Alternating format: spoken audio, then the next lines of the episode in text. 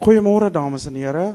Baie welkom by hierdie geleentheid wat vir ons moontlik gemaak word deur Naspers.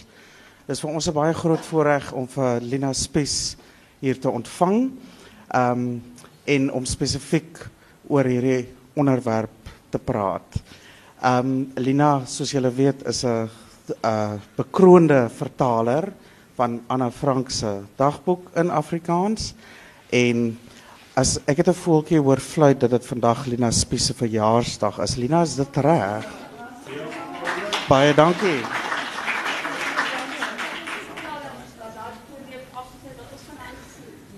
Nee, ek kan nie sonder die podium praat nie. Dan uh, moet jy 'n bietjie agtertoe sit. Ja, kom ons sit bietjie agtertoe. Dis baie ongemaklik vir my Nee. want ek is as dit ware gebore agter 'n podium. Ja. Uh dit ek ek wil u naby my hê en laat ek begin weer te sê dankie Meld. Uh en ek het nie 'n uitslike groot gehoor verwag nie. Ek is bly dat u hier is. Dis heeltemal genoeg mense vir my om my hart uit te praat oor een van die onderwerpe waaroor ek die graagste praat, naamlik die dagboekskrywer Anne Frank en vandag gaan ek veral konsentreer op haar status as superster van die show. Ek wil nie onnodige verduidelikings vir u vanoggend hier gee nie. En ek wil dus vertrou dat u in die boekie gesien het dat Shoah die Hebreëus is vir Holocaust, want dit het dieselfde betekenis nie. Holocaust is die uh, woord vir die uh vervolging en die dood van die 6 miljoen Jode in uh die Tweede Wêreldoorlog en Holocaust beteken 'n uh, offer. En uh Shoah beteken in Hebreëus vernietiging. En ek self sou 'n groot propagandis wil word vir die gebruik van die woord Shoah, alhoewel ek dan alternatiefelik ook dikwels Holocaust gebruik. Ek is heeltemal daarteen dat daar verwys word na die Joodse slagting. Ek, ver, ek verwerp daardie Afrikaanse term volkome. Nou, uh dames en here, ek het 'n onmiddellik gegryp na 'n geleentheid om vandag te praat toe ek gesien het dat die tema 'n uh, hemels is. Want 'n ster blink inderdaad aan die hemel en Anne Frank is al dikwels genoem die superster van die Shoah en nie vriendelik bedoel nie. Uh die punt is dat Anne Frank waarom ook al, ek laat die vraag in die midde, die gesig geword het vir baie mense van die Joodse volkere moord. Uh as mens inloop by die Holocaust Center in Kaapstad, dan gaan u vir haar sien teen die muur groot opgesit foto. In 'n kleiner museum, 'n kleiner gedenksentrum of gedagtessentrum as byvoorbeeld die Yad Vashem in Jerusalem in Israel is haar foto ook. En so kry mense haar van plek tot plek. Op 'n dag het iemand vir my die vraag gestel: "Wat is Anne Frank vir jou?" Dit het my 'n bietjie op 'n verkeerde voet geval, 'n gevang. Wat is Anne Frank vir jou? Ek moes dus ek moes spontaan antwoord en ek het spontaan en intuïtief geantwoord. Sy is my mede-reisiger op my lewenspad. Ek moes my later self rekenskap gee van wat ek presies bedoel het en ek moes op my spore terugloop na my kennismaking met Anne Frank en die begin van die reis in die gees saam met haar. Die reis het 'n aanvang geneem toe ek in 1961 as honeurstudent aan die Universiteit van Stellenbosch haar dagboek in die oorspronklike Nederlands by die destydse boekwinkel Halm op Stellenbosch gekoop het. Die direkte aanleiding tot die koop van die dagboek was die film wat in 1961 hier vertoon is, die Hollywood film The Diary of Anne Frank. Uh in dieselfde jaar 1961 het ook die Adolf Adolf Eichmann verhoor in Jerusalem plaasgevind. Die verhoor is uitvoerig in die burger gerapporteer En vir die eerste keer is ek gekonfronteer met die gruweldade van die nasies. Ek was dus blykbaar as student al 'n redelike goeie koerantleser want ek het dit baie goed gevolg in die burger. Die gruweldade het in samehang met die dagboek die stimulus geword vir my gedig vir Anne Frank van het agterhuis. Ek het vir u die gedig afgedruk. Uh, ek het veel te veel kopieë gemaak, maar toe maar ek sal weer oor haar praat. Uh en u kan elkeen 'n kopie van die gedig later by my kry. Uh my gedig vir Anne Frank van het agterhuis was die eerste gedig wat my mentor en my professor D. Opperman nie net volkome goedgekeur het nie, maar ook hoog aangeslaan. Ek kan met reg beweer dat my reis saam met Anne Frank 'n lewensreis is omdat my poësie en my lewe die nouste met mekaar verband hou. Dit het begin in 1961 toe ek 21 jaar oud uh, oud was en dit het uh, en dit het gestrek tot vandag wat ek my 74ste verjaarsdag oh, verskriklik vier.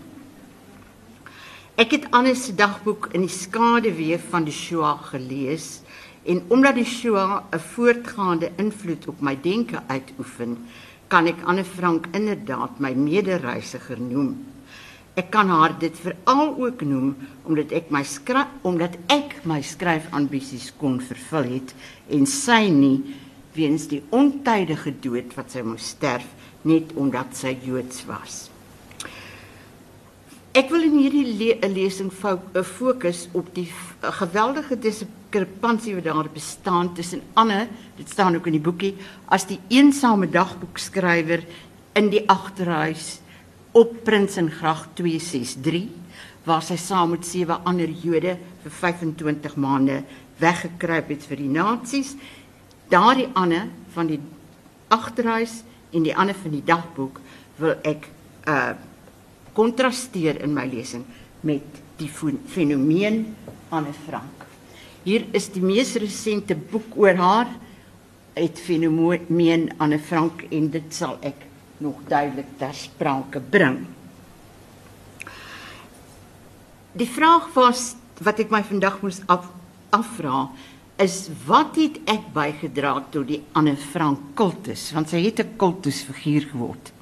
Meeste mense weet bloedwynig van haar af, maar hulle weet eh, darm iets van haar. En die naam is 'n huishoudelike begrip in die hele wêreld. Uh ek het myself afgevra wat was my beeldvorming van Anne Frank as 'n 21-jarige meisie.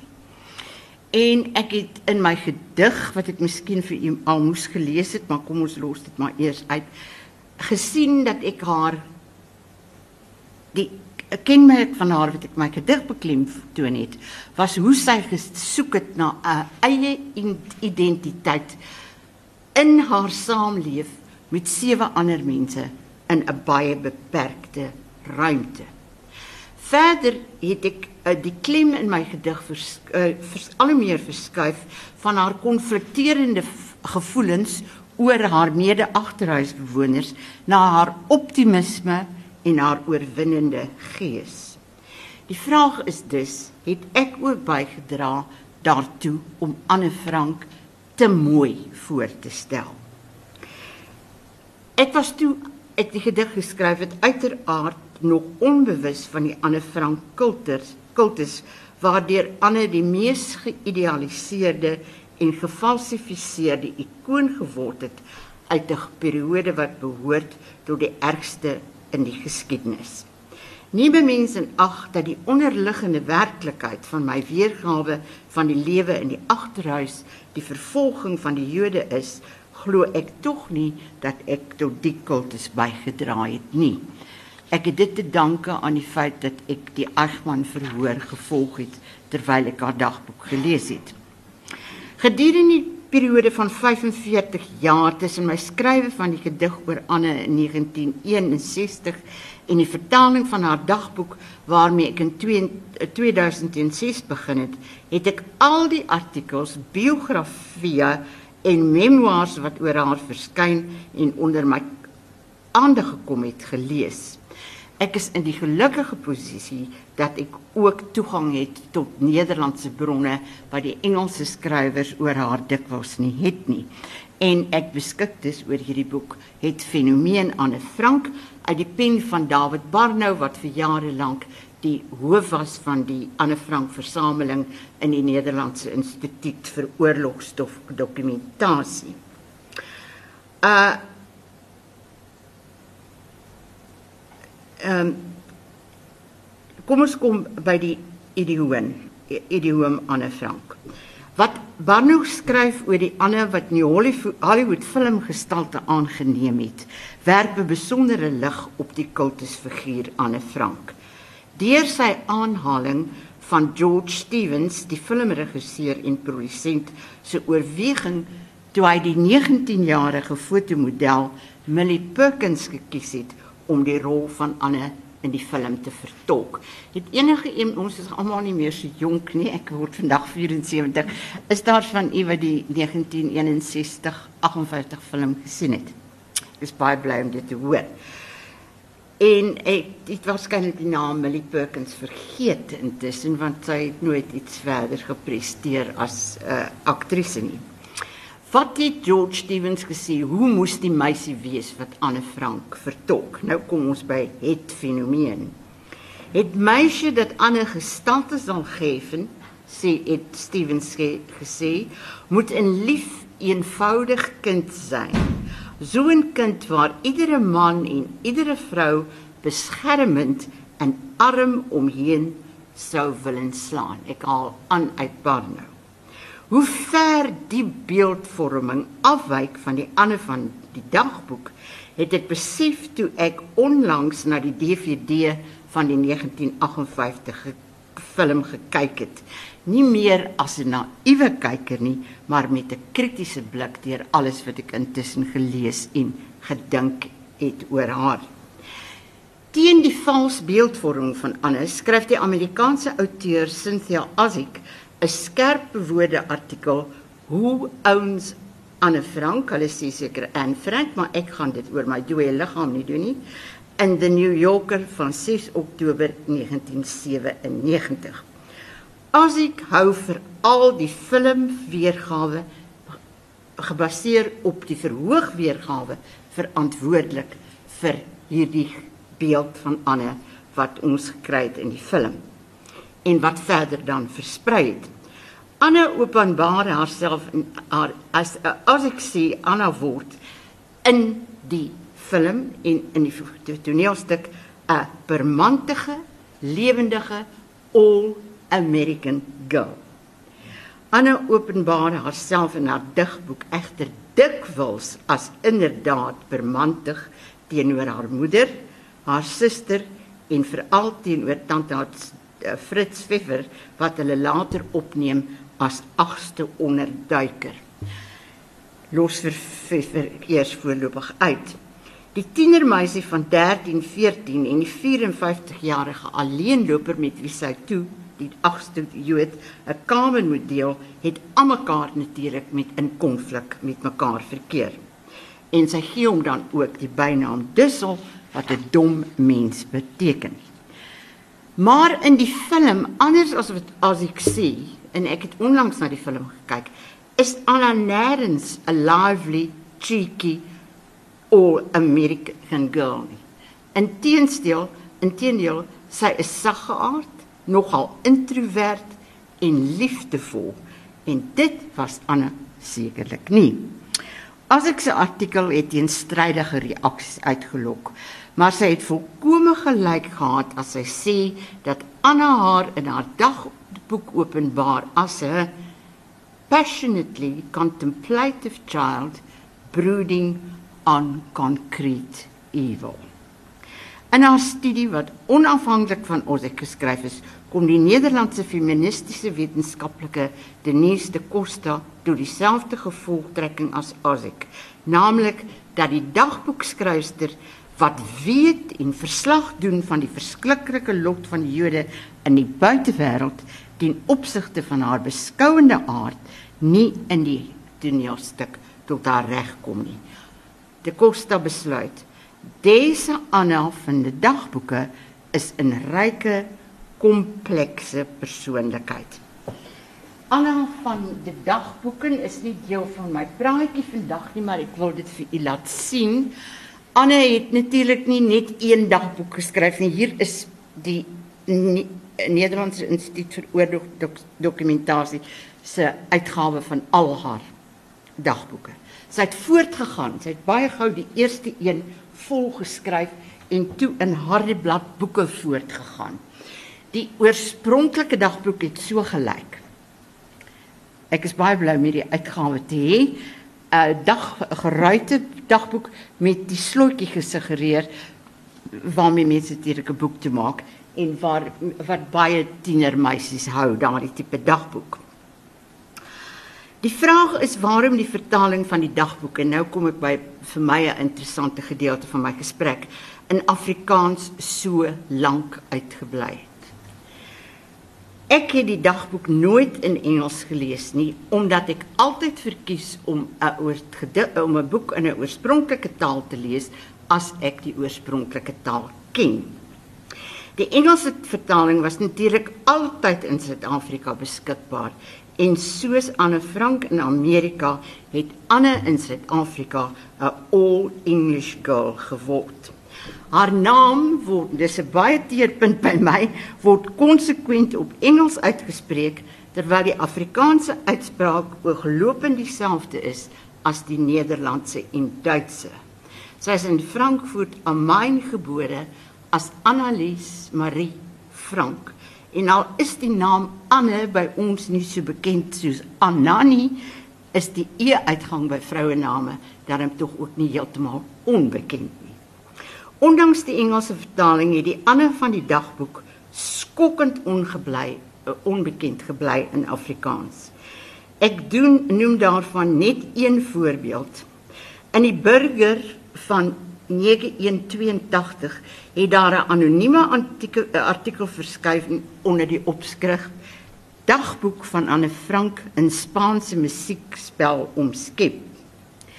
Die joernalis verwys, die anonieme joernalis verwys na Anne as die meisietjie wat in die Tweede Wêreldoorlog saam met haar familie van die nasies geskuil het behalwe die bedenklike Afrikaans dat jy van die nasie skuil en uh, het ek my natuurlik ook geërger aan die noem van Anne as 'n meisietjie want as jy haar dagboek ken kan jy haar nooit so noem nie. Anne het haar dagboek geskryf terwyl gaan verder met die artikel die meis die joernalis skryf agter het Anna het Anne het haar dagboek geskryf terwyl sy en haar familie in 'n geheime kamer, luister nou mooi, agter 'n boekrak in 'n pakhuis langs een van die kanale geskuil het. Hier is voorwaar welkome bewysmateriaal vir diegene wat die autentisiteit van die dagboek wil ontken. Hoe op aarde is dit moontlik vir ag mense om 25 maande in 'n kamer te oorleef en hoe sou Anne in die omstandighede 'n dagboek kon geskryf het. Ek kan nie verstaan dat die joernalis nie self besef het hoe ons in sy skryf nie.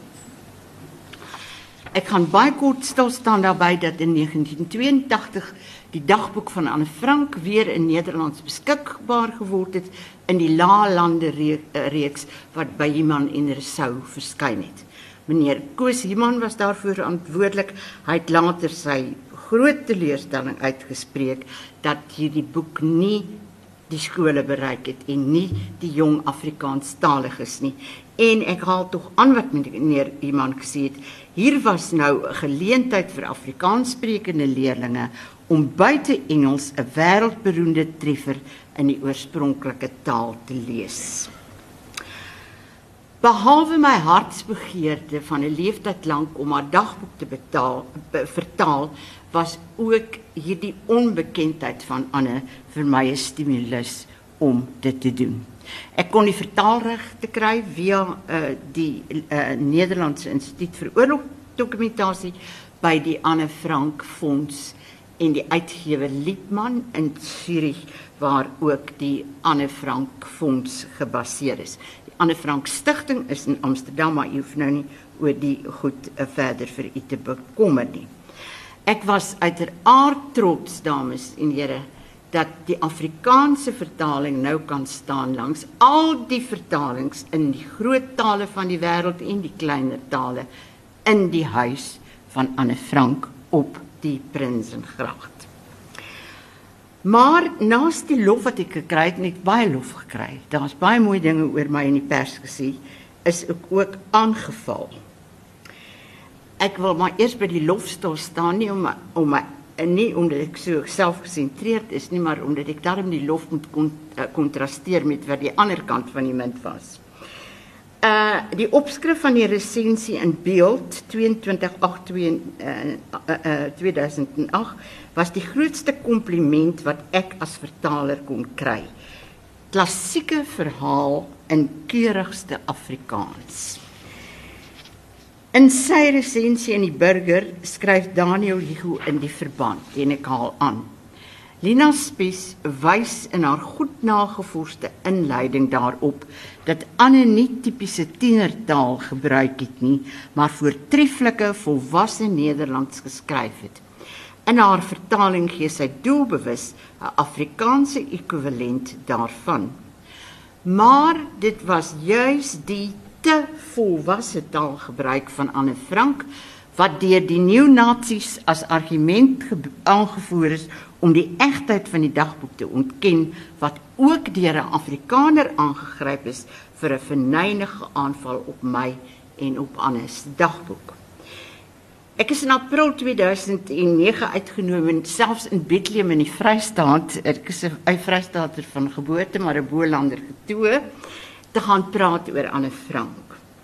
En Dr Marita uh, Burger by Weektuis gegaan het, het daarna 'n uh, onderhoud met my gevoer wat in die Volksblad verskyn het. En toe kom daar 'n brief van 'n sekere meneer Rode, uh Ludwig Rode onder die opskrif Holocaust van boerevolk was erger.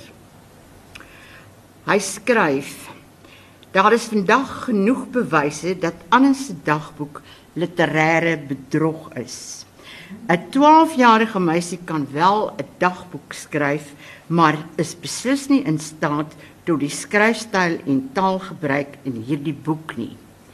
Sluit aanhaling. Die dagboek wat Anne nie as 12-jarige gehou het nie, maar as 'n onderduiker tussen die ouderdom 13 en byna 15 jaar is die boek wat Rode 'n roman noem en wat ek kennelik nooit gelees het nie.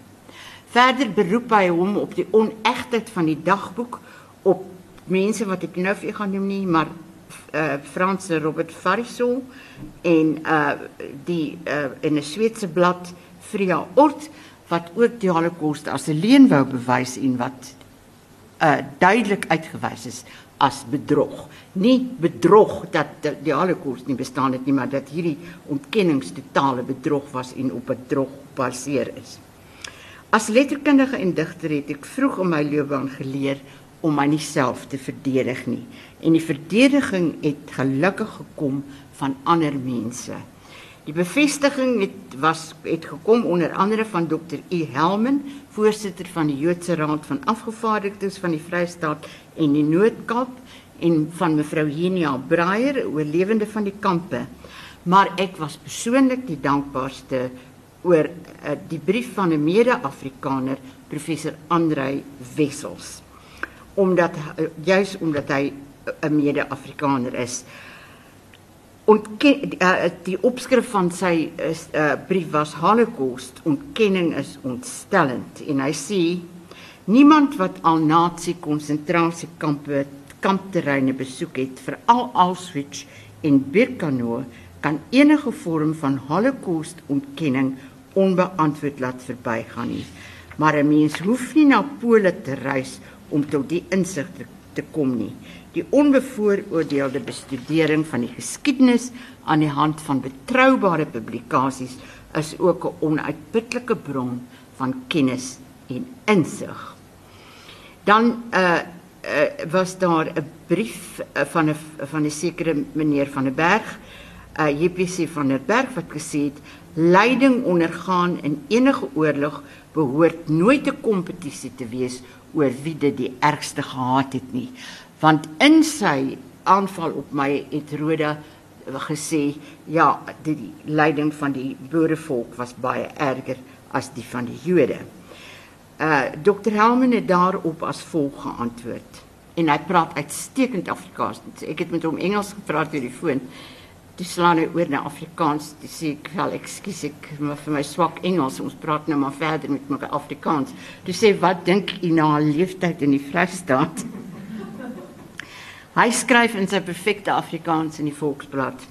Dit is nie my bedoeling om enigstens die tragiese dood van so baie boere, vroue en hul kinders as ook duisende swart mense in die Britse konsentrasiekampe te kleineer nie. Dit het verstaanbaar diep letsels op die siege van die Afrikaner volk gelaat.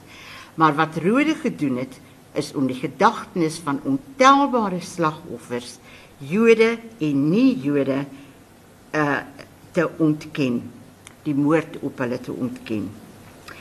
Die die Holocaust, dames en here, is tans verpligte leerstof op hoërskool. Ek het baie geniet om te sit in die vorige lesing. Want daar het dit gaan oor die Afrikaner, oor die trek, oor wat die kinders van die Afrikaner moet leer. Nou word daar op hoërskool oor die Holocaust gedoseer, word dit dit aangebied as leerstof.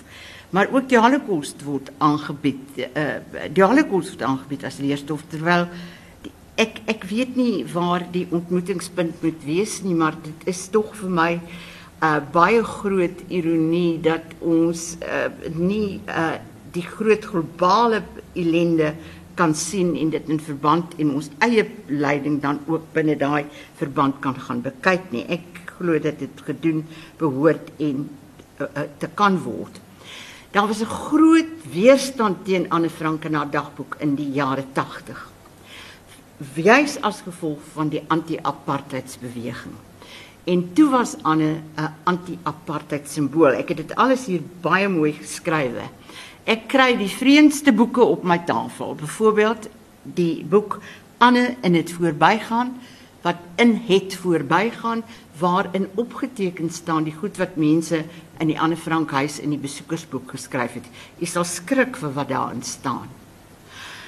Uh daar's baie Duitse inskrywings. Dit wissel van uh erkenning van skuld, pyn oor wat gebeur het tot die bekende ontkenning wir haben es nie gewusst, wie ons het nie geweet nie. En daar is inskrywings van Suid-Afrikaners wat nie lekker is om te lees nie. A great display is een van die inskrywings. But keep your foundation out of South Africa and worry about your own problem toe ek voor 'n Engels gehoor gepraat het die, die lelikste inskrywing uitgelaat.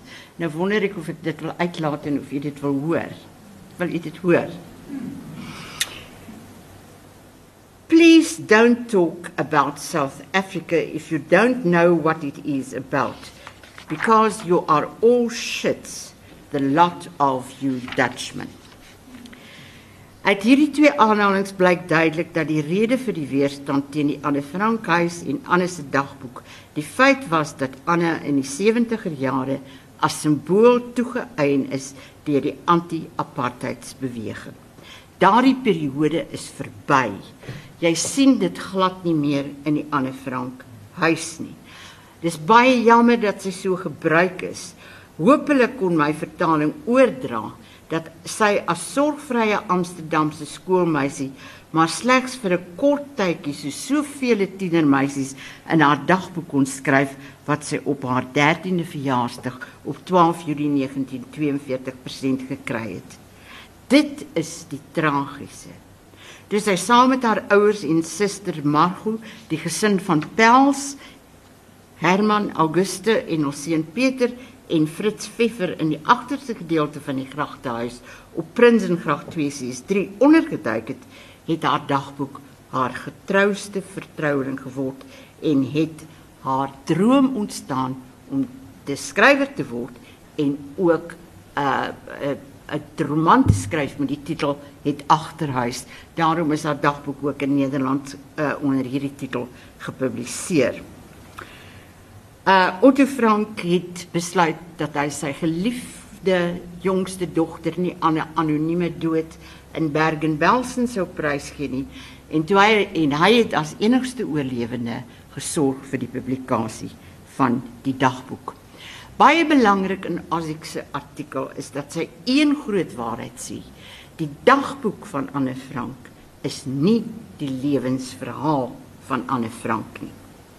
Na die inhegtenisneming op 4 Augustus 1944 het Anne se pad geloop na die deurgangskamp Westerbork in Drenthe, van daar na Auschwitz waar sy vergassing vrygespring het en toe na Bergen-Belsen waar sy verbroken haar liggaam en gees gesterf het.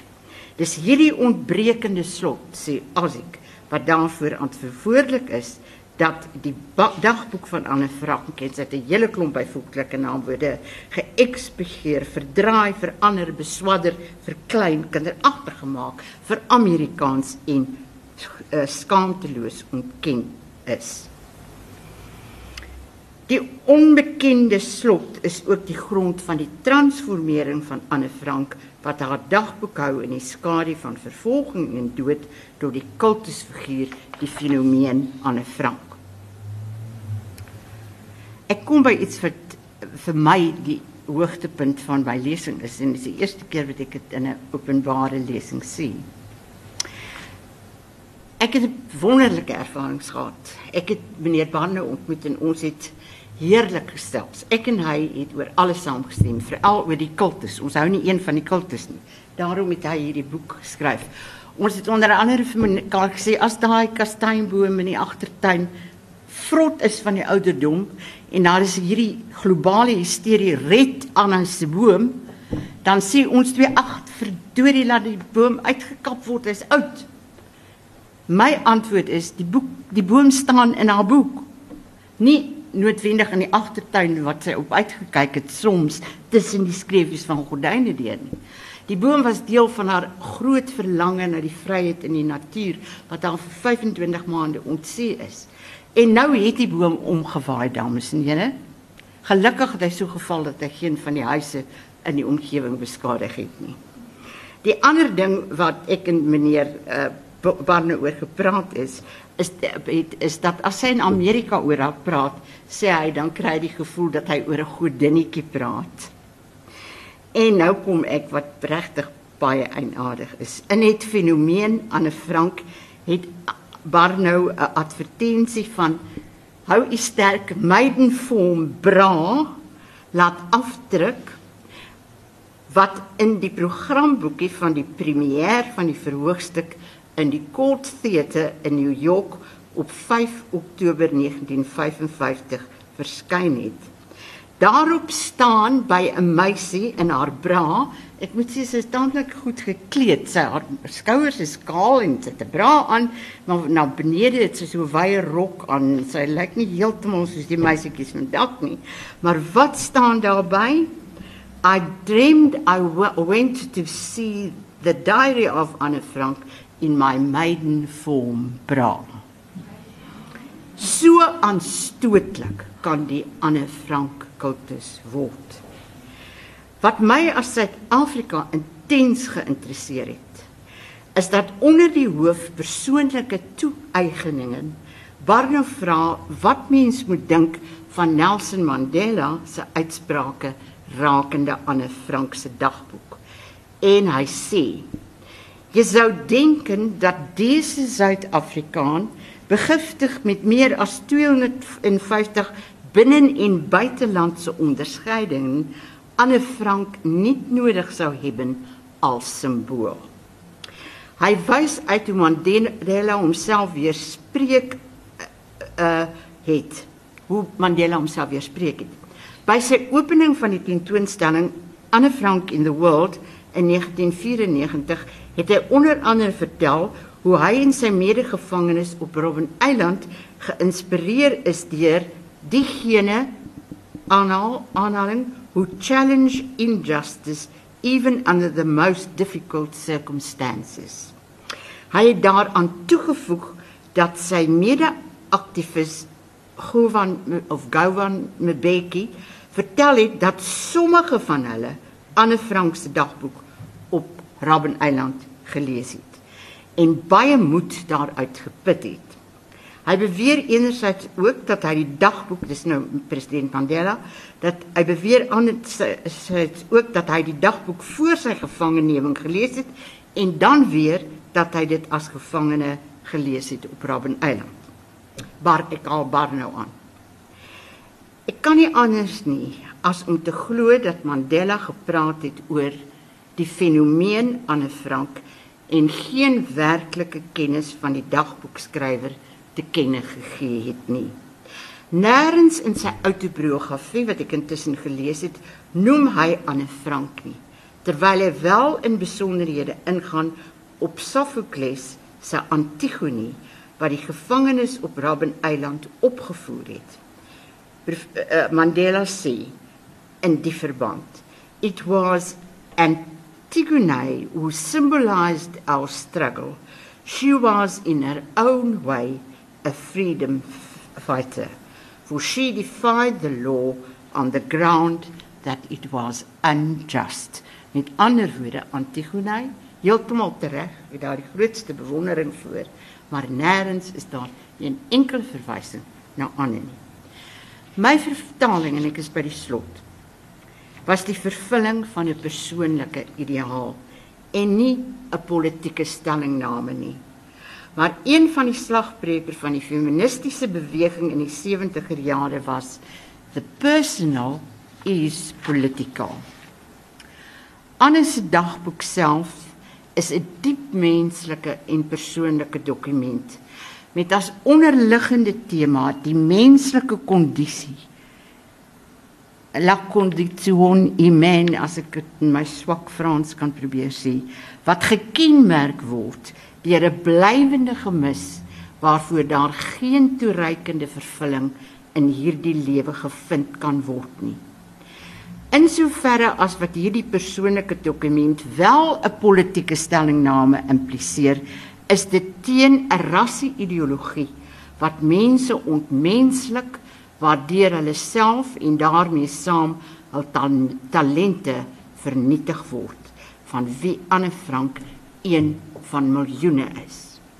Dit is haar stem wat behoue gebly het en waarvan Ernst Schnabel in die slot van sy boek Anne Frank spoor eines Kindes in Engelse vertaling sê: Thus her voice was preserved out of the millions that were silenced. This voice no louder than a child's whisper. It tells how those million, millions lived, spoke, ate, and slept. And it has outlasted the shouts of the murderers and has soared above the voices of time.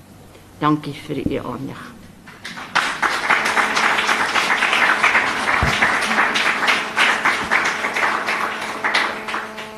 Sou graag vir u ten slotte as u my vra wil vra, daar is nog tyd hoor. Daar is 'n bietjie tyd. Uh ek sal dan wil doen wat ek miskien aan die begin moes doen. Uh ek moet vir u sê die vorige keer het ek in Engels min of meer dieselfde lesing gehou en uh, dit was vir my 'n wonderlike ervaring want ek het 'n Joodse gehoor voor my gehad en ek was voor die tyd tot sterwens toe gespanne uh, uh gehoor van absoluut internasionale uh, mense. En toe sê die liewe Janine Bloomberg, uh, professor Milton Shane se sekretaris vir my, "Oh, Lina, come and stay with the rest of the participants in the hotel." En in die twee dae leer ek hulle ken en raak begin ons al hoe meer van mekaar hou. En toe ek die oggend opstaan, ek sit my hande so op die kateder, toe dink ek, Lina, spies jy praat vanaand vir oggend met jou vriende. En die lekkerste van alles wat ek nou vandag ongelukkig nie het nie, is dat daar baie jong mense in my gehoor was. En uh dit was so heerlik om 'n uh, jong meisie stralend na my Daniel Joffe uh, Joffie en nou my te voorkom sê, "Oh, I love your poem. I love Afrikaans poetry." Ek het gevoel die lewe is die moeite werd. En daarom dames en here sal my reis met Anne Frank nooit ophou nie. Dit sal duur tot op my laaste dag. Want ek kan my nie van haar losmaak nie. Betrof na Metlerkamp vra vir my sê nie nou almal vir Anne Frank nie. Nee, dames en here, ek is nie. Hulle onthou die gaskamers Auschwitz as van lyke onsigbaar vervoer deur eensame riviere. Die meisie in haar sabbatrok wat in die dode put afstort. Die vrou wat met sekslose sekerheid besef uit haar vervloekte bloed sal 'n kind die nuwe vrye wêreld nooit weer vind.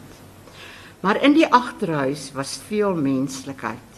Mevrou van Daan prikkelbaar bevrees, vervelig verwaand, 'n moeder se subtiel verset omdat haar kind die vader liewer het. En tog moes jy jou jong ontwaking leer verstaan alleen. En wat het al jou vroulikheid gebaat? Jy moes die laaste toevlug deel vir nog 'n Jood se veiligheid, tandarts Dussel, jou ongewenste kamermaat. Toe het jy jou na hom gekeer, soos jy uit sy jeug geruk, geruk tot in 'n soldekamertjie. Blou agter 'n berookte ruit en 'n gordynde raam het helder in sy oë kom leef. Maar die natuur verdra geen surrogaat. Jy het geweeg te lig bevind. Weer moes Peter maar vir Moesie streel en vir 'n troos het jy seisoen verward pinksterrose en blou druifies in een droom verbeel. Meer as Jood of Christen het jy geweet die mens se gees oorwin as hy elke dag sy aardappels met vreugde eet. Dankie.